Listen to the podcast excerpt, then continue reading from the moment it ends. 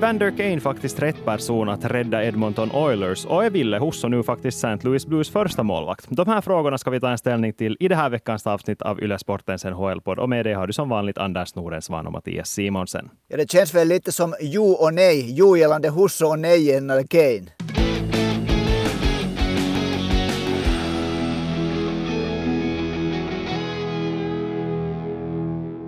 Ja, vi tar och börjar snacka lite om Evander Kane, som alltså nu är klar för Edmonton Oilers.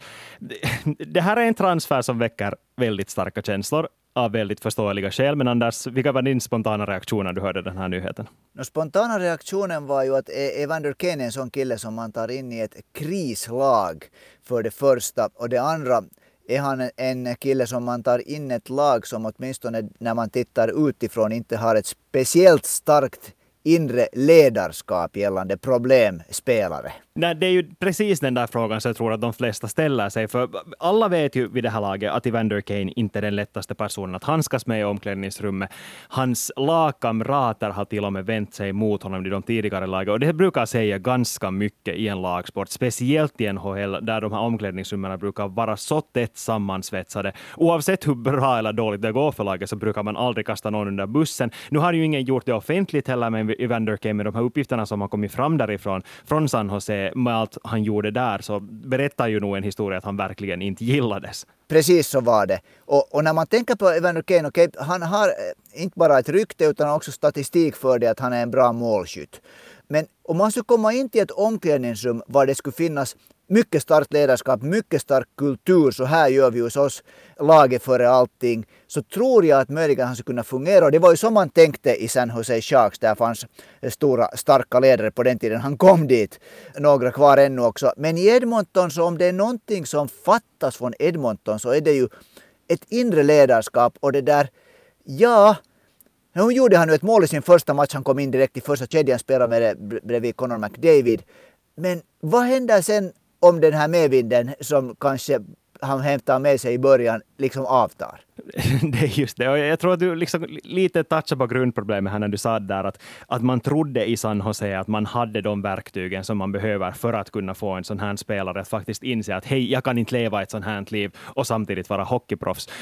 Man tror alltid det där om sig själv. Varje lag tror att man är tillräckligt stark för att kunna ta de där problemfallen till sig själv och sen kunna på något sätt magiskt få dem att helt glömma sina personliga problem och sen bara fokusera på det som händer på isen och där är ju Evander Kane ändå en spelare som håller ganska hög nivå och har varit det ganska länge. Så ur det perspektivet förstår jag det, men samtidigt skulle man ju tro att de här lagen i det här skedet, efter att år efter år plocka in sådana spelare som inte passar in i lagets kultur, man borde ha lite självdistans liksom. No, nu, är det, nu är det såklart så att nu håller vi här på att berätta det här. Nu kommer Evander Kane att göra absolut succé i det där i, i, i vår. Och då får vi alltid vara glada. Det är alltid roligt när en spelare liksom går emot vad man förväntar sig om man har negativa förväntningar. Men som sagt, om man tittar liksom analyserar det här på det sättet som, som jag tycker är det enda sättet man kan göra. Att man ser på Evander Kane och vart han är på väg och vad han hämtar med sig. Så det där, visst är det hemskt riskabelt. Alltså jo, han har gjort äh, mål. Han har gjort en gång 30 mål. Han har gjort ett antal gånger över 20 mål. Sex, allt som man tror 20 gånger över 20 mål. Men samtidigt när man tittar så finns det en ganska ful kolumn där också. Det är så att han drar grymt mycket utvisningar. En grymt stor mängd av de här utvisningarna är dumma utvisningar. Att jag tycker att han är lite en sån här spelare som kanske inte är som bäst när det gäller som mest. Hans huvud vill inte riktigt klara av det. Det är ju det. Och vi ska kanske nu gå in på de här problemen, alltså orsakerna till att det faktiskt gick så att han fick sparken från San Jose Sharks, eller Barracuda Shark, där det väl egentligen var som han bröt mot de här NHLs och AHLs coronaregler. För det var det som var, som var droppen som fick bägaren att rinna över, men det var ju massor som hade hänt före det. Hans eh, exfru hade anklagat honom för att ha eh, spelat pengar på San Jose Sharks matcher. Det att han själv har ekonomiska problem är inte någonting som han har stuckit under stol med, att han har ett vadslagningsproblem eller beroende, en sjukdom eh, riktigt som det handlar om. Och det är ju inte någonting som man absolut inte ska skämta om. Men så finns det mycket utöver det också. För det första, det kom aldrig fram något bevis om att han skulle spela pengar på, egna, på lagets egna matcher eller sin, sitt eget lags matcher.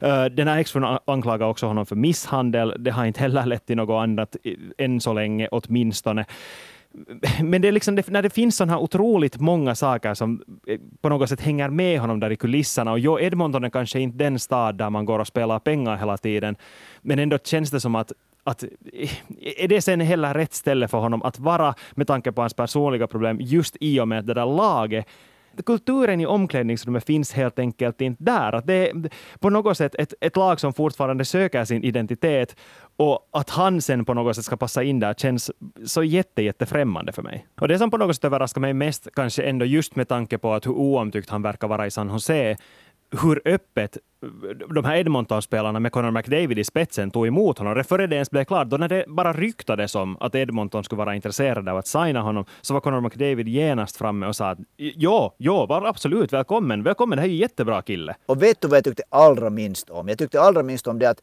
nu är det ju fortfarande oklart om det här, det har ju varit också snack om att det har varit äh, våld i, i hans parförhållande. Han själv dementerar han det totalt. Nå, man vet inte vad, vad, vad sanningen är.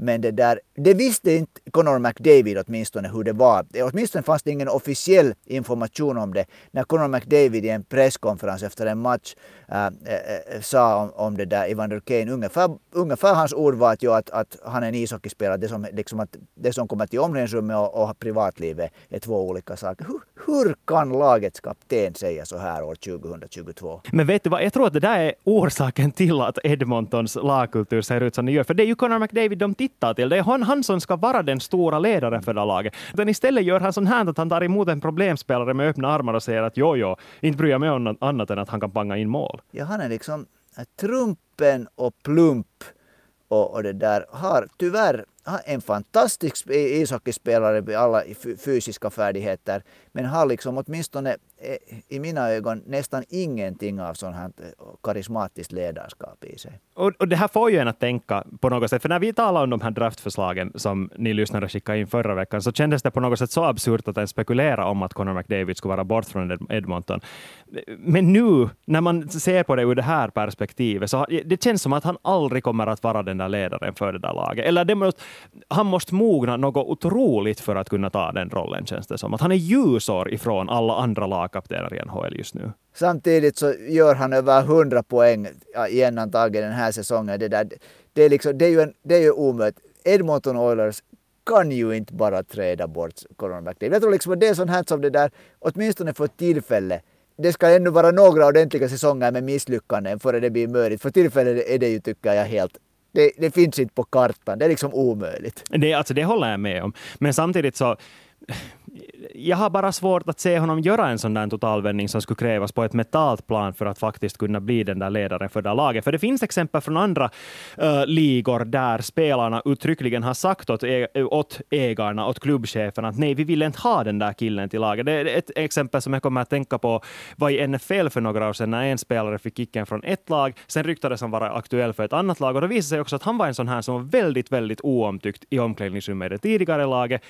Och då sa de här spelarna enligt de medierapporter som oftast är ganska pålitliga, så sa de då åt klubbchefen att nej, vi vill inte ha honom. Vi har en väldigt bra stämning här. Vi har hört mycket dåligt om den här snubben. Vi vill inte ha honom hit. Och oavsett hur bra Evander Kane är, oavsett hur många mål han kan sätta in, så är han ett så enormt frågetecken att de här spelarna åtminstone borde ha fattat att hålla käft för att han åtminstone har fått det där kontraktet, känner jag.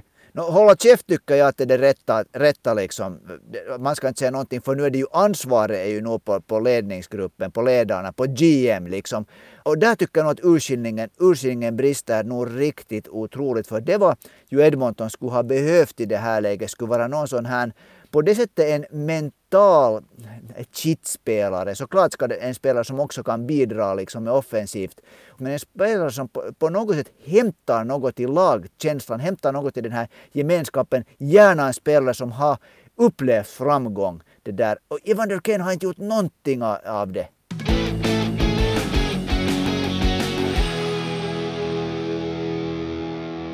Inför säsongen var det nog ganska spikat att det skulle vara Jordan Binnington som är St. Louis Blues första målvakt hela året och de kommande åren antagligen också. Men här har vi nu en Ville Husso som helt plötsligt har klivit in och visat framfötterna, spela in sig i den här diskussionen om att är det faktiskt han som är första målvakt i det där laget just nu? Ja, och det, där, det är lite nu att, att äntligen, för att Ville Husso börjar ju nu att vara, så småningom komma in i sina bästa år. Och han var, vi ska komma ihåg hur bra han var i Finland före han åkte iväg. Han var Äh, FM-ligans bästa målvakt den sista säsongen han spelade här äh, när IFK slutade med äh, silver 2016. Han var helt lysande då. Nu har det gått då sex år sedan dess. Han for iväg med, liksom, stora förväntningar han var skadad då när Jordan Binnington lyftes upp till första målvakt när St. Louis Blues gick hela vägen och, och vann Stanley Cup efter att Jordan Binnington hade varit helt fantastisk den här vårsäsongen. Så det där Husso har ju varit, han har varit på väg och det har varit liksom långa år men nu är han ju egentligen, ska vi säga, han är egentligen där var förväntningarna ursprungligen var. Ja, eller våra förväntningar åtminstone. För jag tror att med honom mm. är det mm. också lite så här som det nu oftast är med finländska målvakter i NHL, att ja, man vet att Finland är en bra målvaktsfabrik på många sätt, men samtidigt så kommer man, in, man inte lättare undan för att man är finländare heller. Nu måste du spela minst lika bra som alla andra i NHL för att få den här chansen.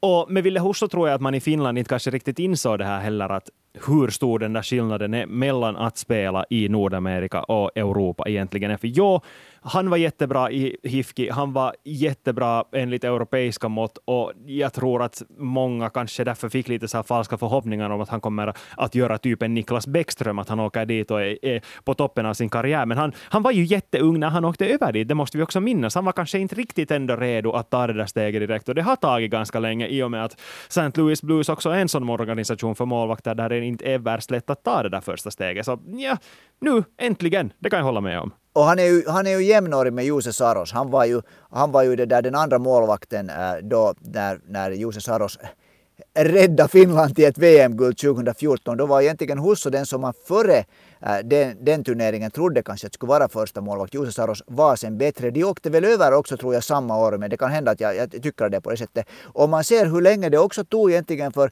Saros att etablera sig och då hade Saros kanske på annat sätt en helt tydlig plan och han hade en mentor där äh, i Pekka Rinne så han liksom kördes in. Ville Husso kanske hela tiden ha varit en annorlunda tävlingssituation där så det där. Jo, det har, inte, det har nog varit en tuff väg för honom. Ja, alltså det är intressant att du lyfter upp det, för egentligen är det ju de här två olika sätten finns det att avla fram en NHL-spelare, om jag använder sådana termer.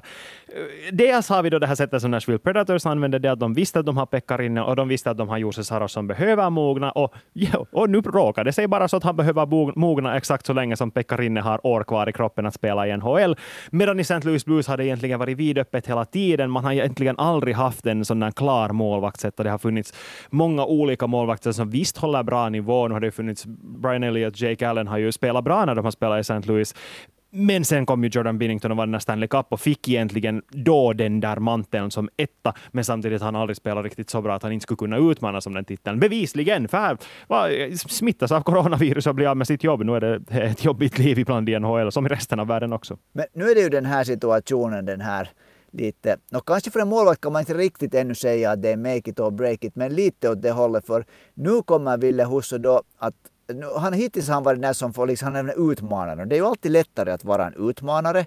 Äh, förväntningarna är inte så skyhöga. Man får komma in och man har på ett sätt bara att vinna åtminstone om man liksom äh, talar in sig det. Nu eh, blir det lätt så att, att det är han som alla tittar på. Nu ska han bära laget. För tillfället har han ju varit helt fantastisk. Han leder hela NHL i, i räddningsprocent av, av, av målvakter som spelat minst äh, 15 matcher, 94,1 procent i hans räddningsprocent och under två mål, eh, eh målsnittet som han har släppt. Men nu är det liksom, nu gäller det de här närmaste veckorna. För St. Louis är också inne i en kamp om, om slutspelsplats. är på, för tillfället på väg dit, men, men det, där, det är inte ännu klart. Jo, det där stämmer, för jag tycker att på något sätt brukar det gå så i NHL att målvakter får en stämpel väldigt mycket snabbare än vad utespelare får. Att man får en stämpel om att okej, okay, smack, den här spelaren, målvakten, kommer att vara en andra målvakt. Punkt slut. Det att han har ja. bra matcher nu som då, det är bara tillfälligheter.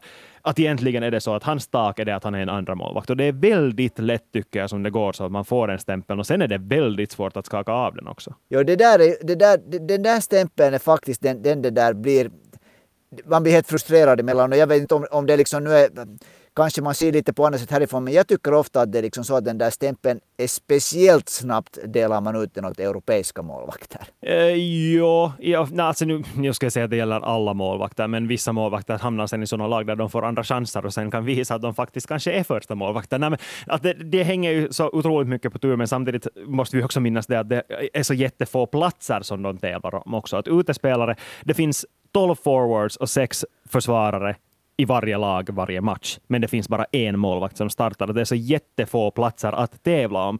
Så samtidigt finns det, den där konkurrensen är alltid så otroligt hög att det tror jag att sen leder till att man inte heller börjar ge målvakter andra chanser när du vet att det finns sådana som har bevisat att de håller en viss nivå. Idealt kanske det skulle vara om man tänker på den moderna NHL, ju att, det där, att, att St. Louis Blues mm, skulle köra till exempel med en sån här målvakts målvaktstandem. Det har visat sig, tycker jag, mer och mer att man inte nödvändigtvis absolut behöver ha den här första målvakten som, som spelar en 60 matcher.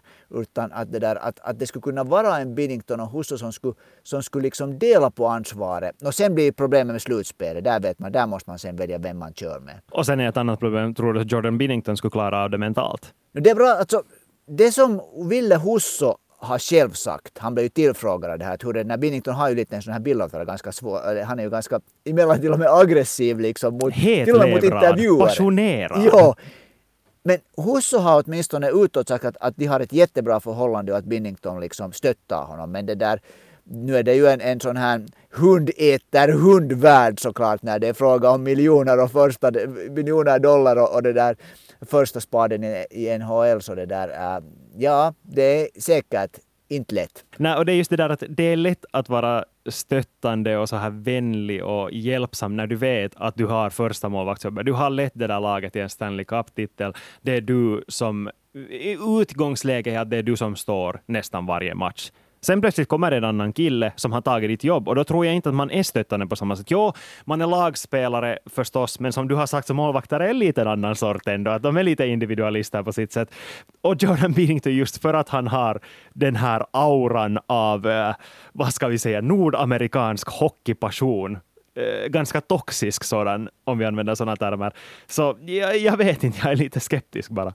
Tufft kommer det nog att vara nu för Binnington för att, om han ska ta tillbaka första spaden. För om man tittar helt liksom på Ville Husso som en ishockeymålvaktprodukt så han har liksom en massa, massa det där stora fördelar. Han är för det första, han är ju, han är ju det där, till, som, som inte Jose Saro säger, att Ville Husso är ju 100, över 190 centimeter lång har otrolig rörlighet, han är tekniskt jättebra. Det tog ganska länge så att man ansåg att han inte riktigt var en idrottare men det tycker jag nog redan att det problemet börjar vara uh, förbi under hans sista år i FM-ligan så hade han nog redan liksom, han hade åtminstone blivit av med en massa över, överloppsvikt som inte var muskler.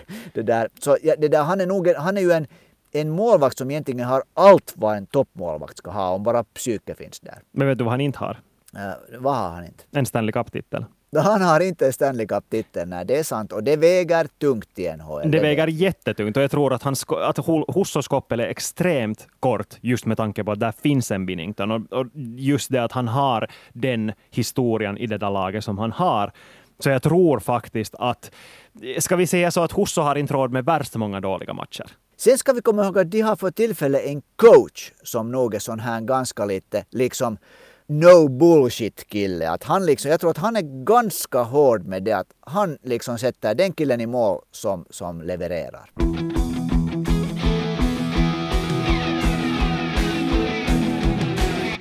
Men nu ska vi gå vidare till en spelare som tydligen väcker starka känslor hos dig, Anders. Vill du lite förklara vad det här handlar om? Eller starka känslor, ska, starka känslor, ska vi säga det, frågetecken och det är Kasperi Kapanen nu talar om som det där när vi bandade det här så hade han spelat förra natten plötsligt i, i Pittsburghs fjärde kedja och ser ut på, någon, på något sätt nu att hamna, ha hamnat liksom på är lite av en sån här hundkoja. Jag vet inte vad det riktigt beror på för när jag liksom det där, jag tycker liksom att det inte riktigt finns grund där för det. Jag, jag plockar fram en sån här statistik nu som den där som är äh, Pittsburgh Penguins äh, statistik för poäng med fem mot fem den här säsongen. I fem mot fem. Mm. Och där är faktiskt Kasperi Kapanen femma av alla. Jake Kentzel, Ivan Rodriguez, Sidney Crosby, Krista Tang som är back och Kasperi Kapanen som femma. Han har gjort 16 poäng, 9 mål. Och det där, han spelar ingen powerplay. Så om det är så att man inte får tillräckligt med det där poäng av honom. Så jag, jag, liksom, jag vet inte vad det är som felas, varför han inte får, får tillfälle ansvar. Nu måste jag för det första igen bara konstatera att du igen lite väljer ut fakta att titta på. Där. För faktumet med Pittsburgh framförallt den här säsongen är ju det att de har haft eller de har som många andra drabbats av coronaviruset. De har haft långa perioder där flera spelare har varit borta, andra skador förstås också. Så, så det att Kapanen har varit en som har hållit sig frisk och fått spela mycket, så det leder ju också naturligtvis i Tova till det att han har fler poäng än, än andra. Men, men nog för jag tror att Kasperi Kapanens problem är också något som kanske inte diskuteras så mycket i media just nu i och med att han befinner sig på en mindre marknad.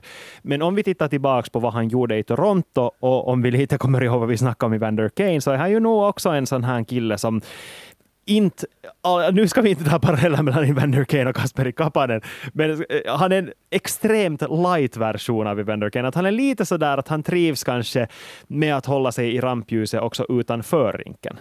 No, nu kom du till det här som jag gärna skulle diskutera lite mer. För att det där, äh, när jag tittar liksom på Kasperi Kapanen som spelare så tycker jag att han har liksom alla attribut för att vara en elitspelare. Han är en av de bästa skridskoåkarna, en av de snabbaste skridskoåkarna i, i hela NHL. Han är helt otrolig när han sticker iväg. Han har en väldigt bra eh, teknik. Han, gör liksom, han, han, han är bra i närkamper. Han har ett bra skott. Men det där, det som eh, till exempel Sidney Crosby har, har, sagt, och det har inte han riktat det mot Kaspari Kapparen, men han, när det var snack om hurdana kedjekompisar Sidney Crosby vill spela med, så han, han vill det där predictability var någonting som han snackade om. Det vill säga spelare som, som man liksom kan lita på, som man vet vad de gör. Och Kasperi Kapanen är ju lite av en sån här spelare, både på gott och ont, som gör det lite oväntat. Man vet aldrig riktigt vad han gör. Och det där till exempel, vi kommer ihåg det här målet som han gjorde mot Ryssland i, som avgjorde VM-finalen, så det var nog ingen som väntade att han skulle göra den svängen. Det var han gjorde i den situationen. Så det är verkligen också på gott. Men jag tror att det ligger honom lite i fatet det här att han är det där att han är på något sätt svår att liksom få grepp om, kanske också som coach. Och, och som lagkamrat. För som du säger så tror jag nog att om man ska fråga någon om hurdan en, en bra kedjekamrat ska vara, så är det nog den killen som fick Pascal Dupuy och Chris Kunitz att se ut som All-star-spelare. Att nu tror jag det, det är såklart sant. Att det ligger nog i någonting. Om Sidney Crosby säger liksom det där och att man kan dra slutsatser från det så tror jag nog att, att det finns någonting i det att han helt enkelt inte trivs med Kapanen.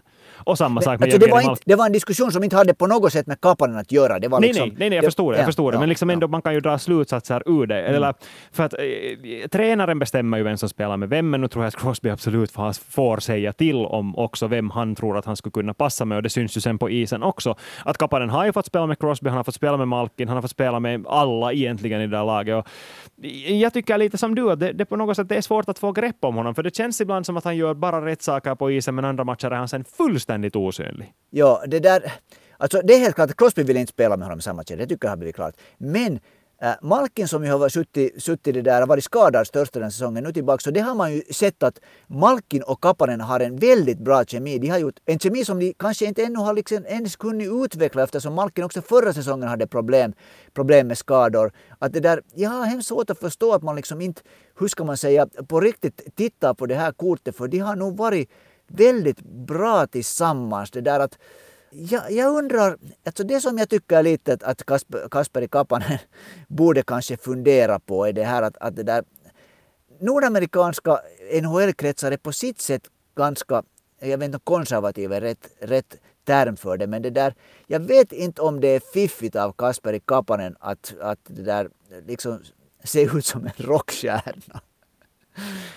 Alltså nu finns det ju rockstjärnor i NHL också, men, och det är kanske lite ovanligt att finländare tar den här rollen. För mm. utöver Kasperi Kapanen så är ju Patrik Laine också en sån där som tycker om att uh, stå ut i mängden om vi säger som så. Trots att NHL fortfarande har ganska strikta dresscode-regler när det kommer till hur man ska klä sig före matcher. Så ändå. Men ja, oavsett så det är ju det att du måste, if you talk the talk you must walk the walk. Att du måste liksom backa upp det på något sätt och faktiskt visa att du är värdig att bete dig som en liten diva om vi använder ett så starkt ord.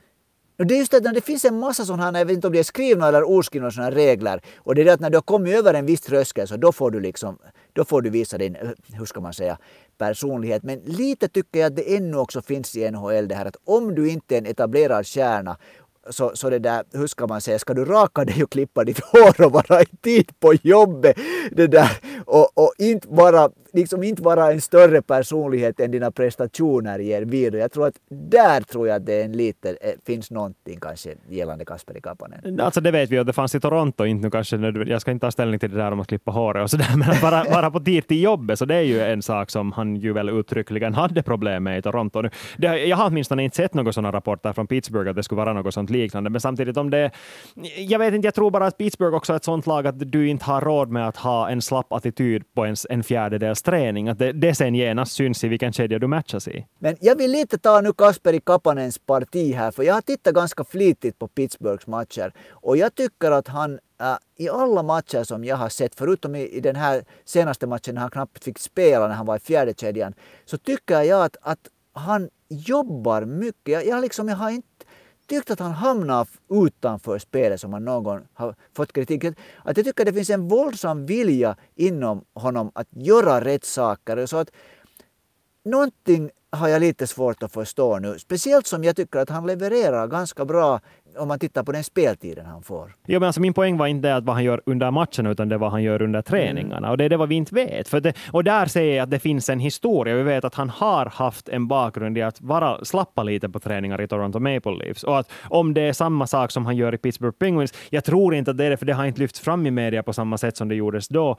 Men samtidigt, Pittsburgh är en jätteliten ishockeymarknad jämfört med Toronto Maple Leafs, så inte kanske det kommer fram på samma sätt heller. Vi vet helt enkelt inte att det kan finnas något sådana bakomliggande bidragande orsaker att han, han inte får chansen med Malkin hela tiden. Men samtidigt så kan han ju inte vara till exempel dåligt tränad och man ser hur han skrinner, just hur, han, liksom, hur vass han är i, i närkamper och så här så det där.